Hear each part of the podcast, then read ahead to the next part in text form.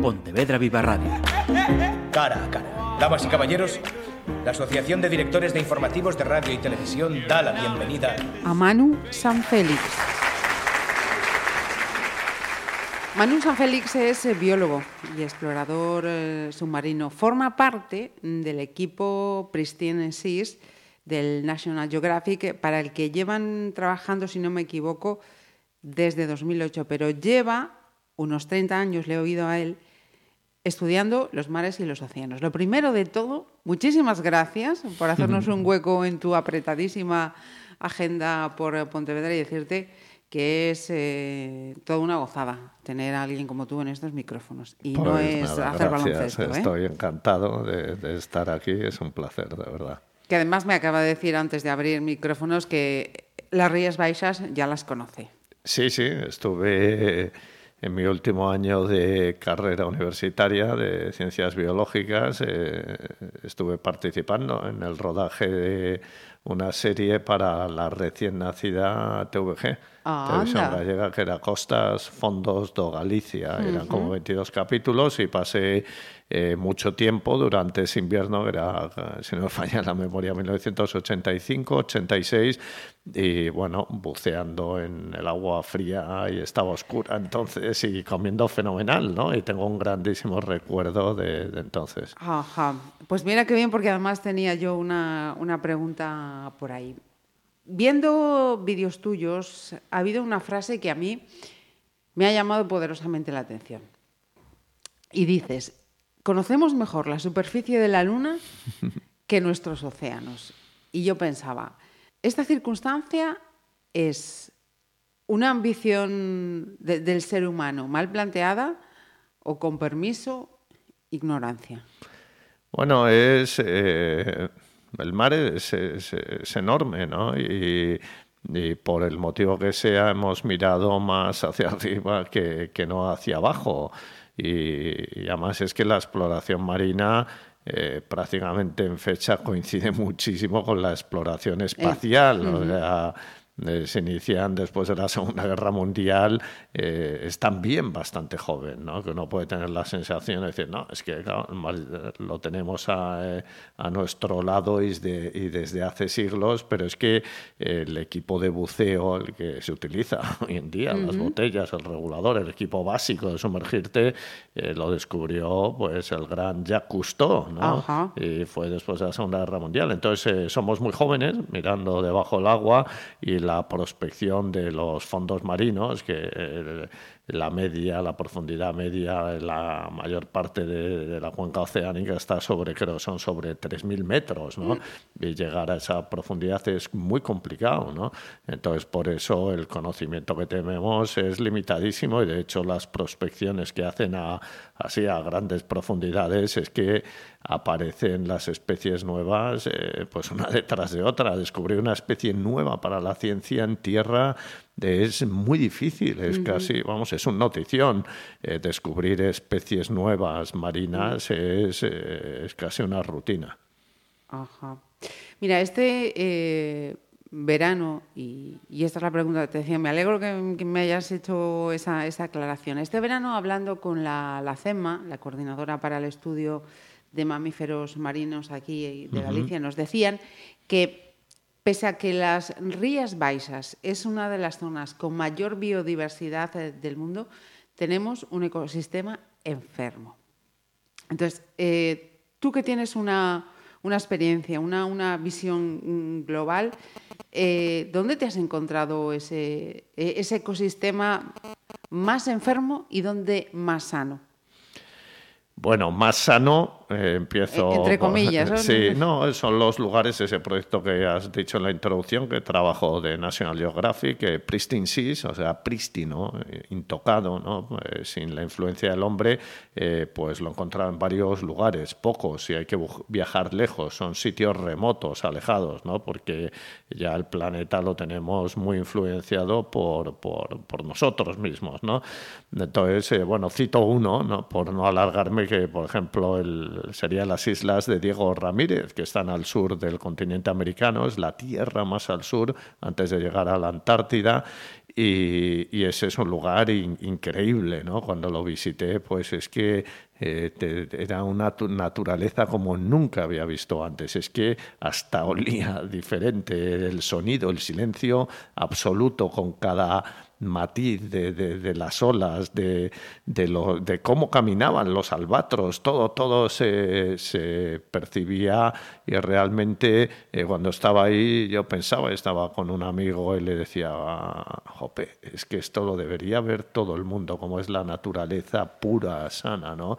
Es eh, una maravilla y es un privilegio poder ver algo, algo así.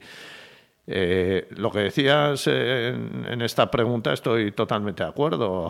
La cornisa gallega, la costa gallega, eh, lo he dicho varias veces en estos días, es un lugar eh, bendecido por la naturaleza. si retrocediésemos, pudiésemos viajar en el tiempo y retroceder, yo qué sé, mil años, o sea, nos caeríamos de espaldas de lo que había dentro de las maravillosas rías. Es un lugar riquísimo riquísimo, pues que estarían dentro eh, segurísimo los atunes, las ballenas, eh, bueno, era, sería eso una explosión de vida, una riqueza que es que, eh, vamos, los peces es que estarían hasta, hasta la orilla, yo me lo imagino como, como un lugar realmente bendecido por la naturaleza, porque tiene aguas muy ricas y un hábitat increíble, ¿no? Eh, que son esas rías que le otorga eh, zonas de refugio ideal para que críen los peces, eh, para tener una plataforma marina amplia, que crezcan las algas, etcétera, etcétera. Pero enfermo, pues sí, podemos decir enfermo, podemos decir tocado, impactado. Eh, también el mar le ha dado muchísimo a, Galicia y, no solo a Galicia, ¿no? Y Galicia es lo que es eh, gracias a ese océano maravilloso que tiene, esa costa increíble. Entonces ahora es el momento de con naturalidad asumir, y no es un ataque a nadie ni una crítica a nadie, eh, nos ha dado muchísimo. Ahora ha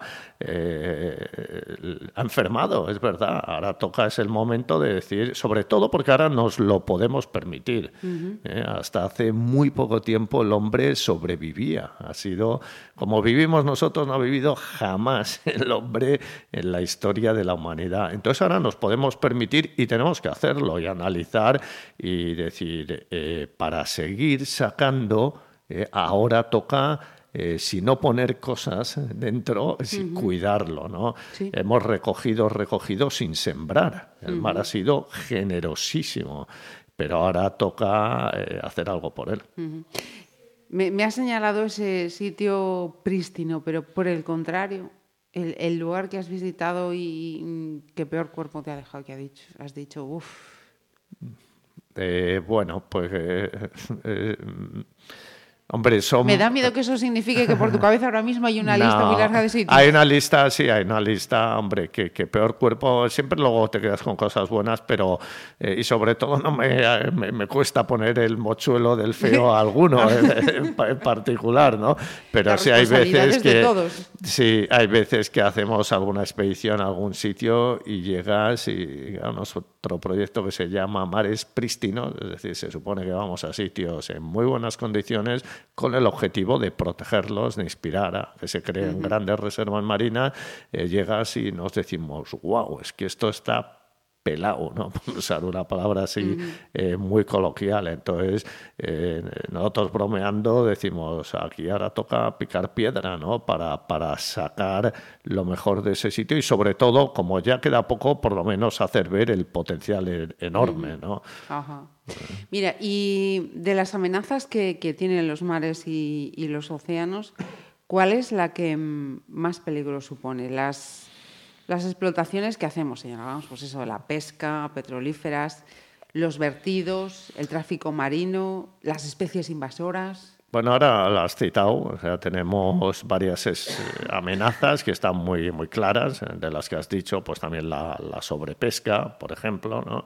Lo que pasa que eh, todas son, entre comillas, fácilmente solucionables si cambiamos, que es lo que más cuesta, cambiar y el decir, vamos a dejar de hacer esto y lo vamos a hacer de otra manera. Siempre pongo el ejemplo del, eh, la ley del tabaco, ¿no? Eh, eh, como parecía cuando, o sea, el hecho de, cambiar, que luego no ha pasado nada, al revés, está, yo creo, no estará, por supuesto, todo el mundo de acuerdo, pero sí casi todo el mundo, que es más lógico cómo se fuma ahora o no se fuma, ¿no? Antes no era lógico que fueses al médico y estuviese fumando un cigarro, volase en un avión y uno se pudiese estar fumando un cigarro al lado de otro que no fumaba, ¿no?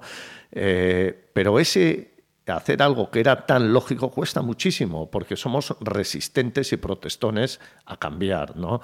Entonces, eh, ya digo, eh, todos esos impactos que, hemos mencionado sobre pesca, especies invasoras, vertido de, aguas residuales, tráfico marítimo, es si cambiásemos fácilmente solucionables. Entonces me preguntabas el más grave, yo creo que ahora el que más me preocupa, porque implica un cambio masivo del planeta, casi un cambio como civilización, sin el casi, un cambio como civilización, y sobre todo, aunque lo hagamos, va a tener una inercia, van a tardar décadas en que desaparezca del todo, es el calentamiento global.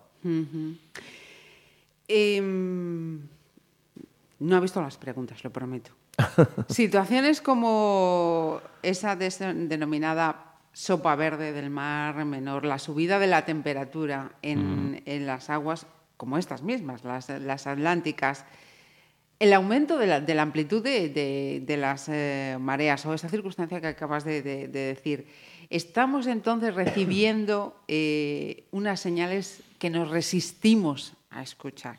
Absolutamente, eh, siempre lo digo y utilizo esa palabra, son señales, son avisos y yo me los tomo muy en serio y creo que nos lo debemos tomar muy en serio es como alguien cuando empieza a enfermar y empieza a tener clarísimos síntomas, ¿no?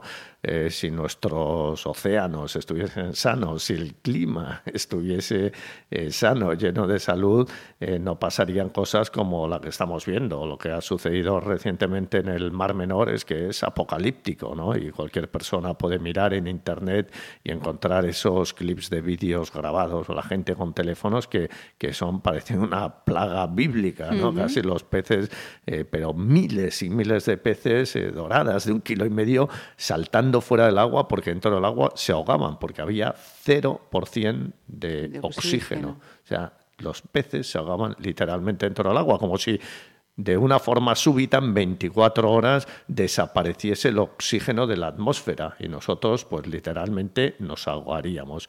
Eso es lo que ha sucedido en el gran eh, perdón, en el Mar Menor y ha sido un desastre ambiental.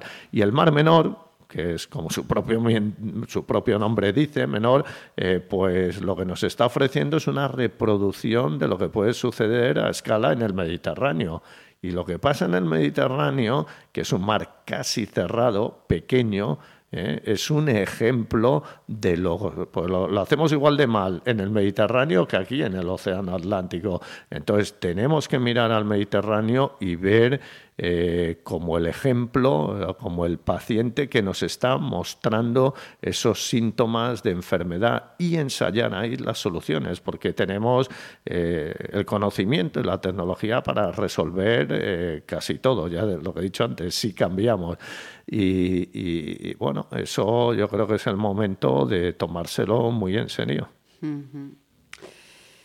Hablemos eh, un poquito más de, de Pristine Seas. Eh, ¿Cuál era ese objetivo con el que se iniciaba en 2008? ¿Qué es lo que pretendía todo ese grupo de, profesionales que estabais inmersos en el, proyecto? Sí, bueno, Pristine Seas es una genial idea de Enric Sala, es oriundo de, Gerona y tuvo, ya digo, una idea genial que era eh, viajar a los lugares eh, prístinos, eh, intocados por el hombre del planeta, con el objetivo de protegerlos. Primero porque esos sitios que funcionan perfectamente que no tienen los impactos, eh, podemos aprender muchísimo. Ojalá eh, tuviésemos una referencia prístina de cómo era la costa gallega. Por eso decía antes lo de viajar, pues yo qué sé, mil años atrás, porque sabríamos exactamente hacia dónde tenemos que ir. Si ahora mismo nos diesen una varita, varita mágica y nos dijesen, venga, convierte la costa gallega en lo que era antes, tendríamos dificultades, porque es que ya ni sabemos lo que hemos perdido. ¿no? Entonces, por eso, eh, por este motivo, eh, Pristine Seas, el, el hecho de conservar esos lugares que son referencia nos enseña eh, muchísimo. ¿no? Entonces, eh, bueno, la idea de Enrique, eh, justo hoy, además me comunicaba con él por WhatsApp, él está en Washington, y, me pasaba los datos de los porcentajes de los resultados, pues nosotros cuando vamos a un, a un lugar lo que hacemos es estimular, inspirar, intentar convencer al país que tiene la soberanía, diciéndole lo que usted tiene aquí es un tesoro protéjalo, deje un legado. Y, hemos tenido un éxito que ninguno, ni el propio Enrique, ni yo que tengo la suerte de estar desde la primera expedición, y se lo decía Enrique, es que ni podíamos imaginar que iba a haber un resultado tan espectacular, tan positivo. ¿no? Entonces, eh, bueno, eso es, abre una puerta también eh, a, la esperanza, ¿no? Al decir, porque ahora mismo la superficie eh, protegida del océano mundial eh, que es protegida total, es decir, que no se pueda pescar, todavía no hemos llegado ni al 5%. Ah. Que es que es muy poco, o sea, tenemos, eh, eh, y eso no es un ataque a la pesca, ojo, yo creo al revés, lo veo como algo por la pesca. Dos días estamos, estoy visitando los colegios, hablando con los niños, con los jóvenes, y hasta ellos comprenden que para seguir pescando eh, pues hay que proteger, hay que dejar sitios donde los peces se reproduzcan y crezcan. Es que eh, Preservar su hábitat. Claro. Eh, es decir, 5% que decías son esos 4 millones de kilómetros cuadrados. Ahora estamos en 5 millones 700 mil. Lo sé bien, porque justo esta mañana he preguntado a Washington, oye, ¿cuánto hemos estimulado? 5 millones 700 mil kilómetros cuadrados es un poco el, legado, ¿no? la contribución directa de Pristine Seas a la protección mundial. Y eso es aproximadamente pues, sobre un 60-70% de todo el océano que hay protegido en el mundo. Mira, mm, porque además de, esa eh, regulación a la hora de, pescar, ¿qué, otras cosas conlleva? Eh, bueno, eh, sobre todo lo que se intenta es hacer zonas no-take. no take en inglés es no coger, no, pescar. Entonces, en cuanto llega a la protección de la pesca, bueno, con un espacio marino también normalmente haces y dices, ¿qué quiero con él? ¿no? Eh, pues eh, bueno, concretamente, si voy a un ejemplo, que igual eso lo hace más visual a los que nos escuchen, la isla Robinson Crusoe, ahí eh, viven, son unas islas muy apartadas del continente americano, son, pertenecen a Chile, y, ellos viven de pescar langosta, y llevan viviendo de pescar langosta más de 100 años, ¿no? Entonces son ellos los primeros que quieren proteger las langostas y pescarlas de una manera racional, porque si las acaban no tienen de qué vivir. O sea, es un sitio muy, muy, muy aislado, muy alejado, ¿no? Entonces, eh, ahí cuando haces una protección marina, pues eh, quieres que se recupere todo, pero sobre todo lo que se busca es eh, que los que están viviendo allí puedan seguir consumiendo, no consumiendo, pescando y vendiendo esas langostas, pero sin agotar el recurso, porque si no, eso es suicidar su modo de vida, ¿no? Em, Manu San Félix es un biólogo optimista o, pesimista, perdón, en cuanto al, futuro a largo plazo de, los mares y los océanos. Bueno, yo soy optimista por naturaleza. Miro, eh, bueno, pues, eh, optimista como, como persona. como biólogo intento ser realista. Entonces, eh, miro los problemas que tenemos y digo con sinceridad eh, que los problemas son graves, muy graves, pero también que tenemos las soluciones y que estamos a tiempo. Estos días me preguntaban, ¿pero hay lugar a la esperanza? Y digo, ¿qué va? O sea, si es que todavía no hemos llegado ni al momento de decir, no, me queda la esperanza. Cuando uno dice, me queda la esperanza, es porque no hay absolutamente eh, ninguna posibilidad de hacer nada más. Entonces eso es, bueno, me agarro como a la divinidad, ¿no? A ver si sucede algo y me salva. No, que va. Eh, no estamos en una situación eh, tan al límite. Eso sí, no podemos seguir diciendo, eh, estamos, no nos queda mucho tiempo para seguir diciendo que estamos a tiempo. Eso es algo eh, bueno, sería algo realmente contraproducente.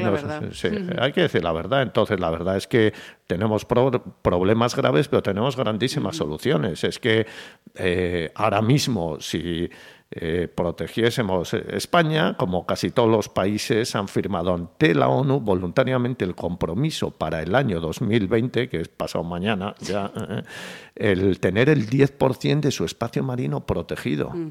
Entonces uno puede decir, un 10%, es que un 10% es poquísimo. Eso significa que podemos arrasar el 90%. ¿no? Entonces, eh, si eso lo hacemos, veremos cómo el mar es agradecidísimo. Si protegemos ese 10%, ese 10%, o sea, la proliferación de peces de vida eh, eh, será tan notable, tan visible que inspirará y bueno, muchos, de hecho, muchas protecciones ya surgen desde los propios pescadores que las piden, hablo a nivel mundial, ¿no? Entonces, eso inspirará el decir, oye, hay que ver, vamos a ver si igual eh, lo que tenemos que hacer es proteger el 20 o el 30% para que podamos pescar y sostener pues la cantidad de familias eh, que viven de la pesca y alimentar a la cantidad de seres humanos eh, que necesitan comer del mar, ¿no?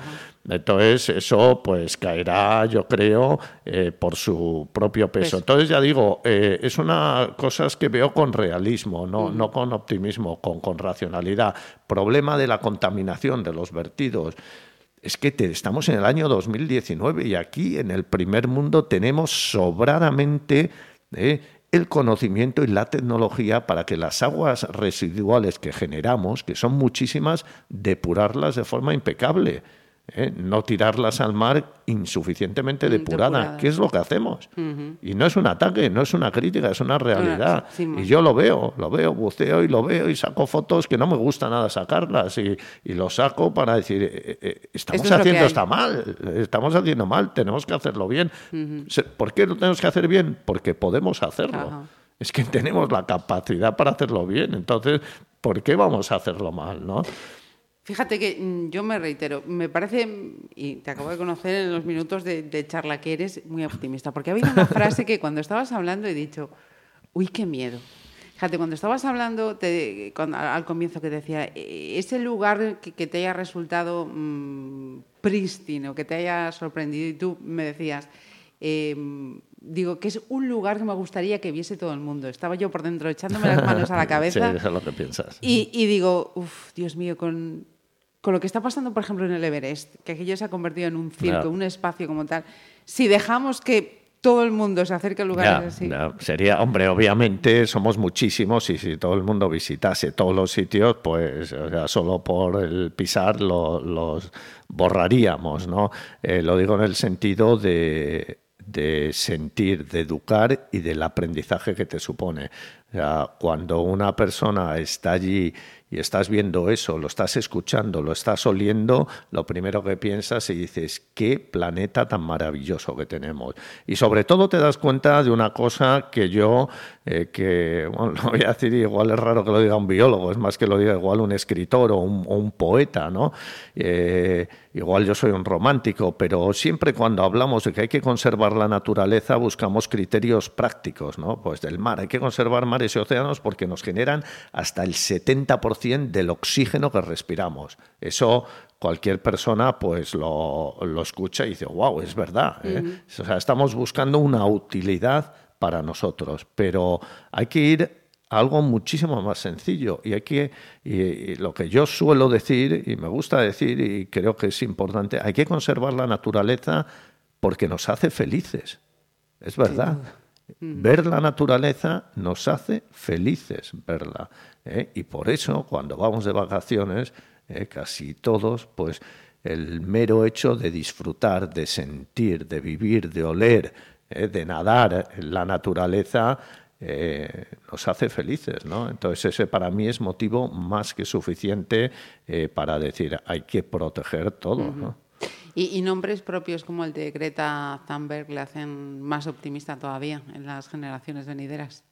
Bueno, yo creo que las generaciones venideras eh, serán mejor que nosotros, igual que yo creo que nosotros somos mejores que las que había antes, ¿no?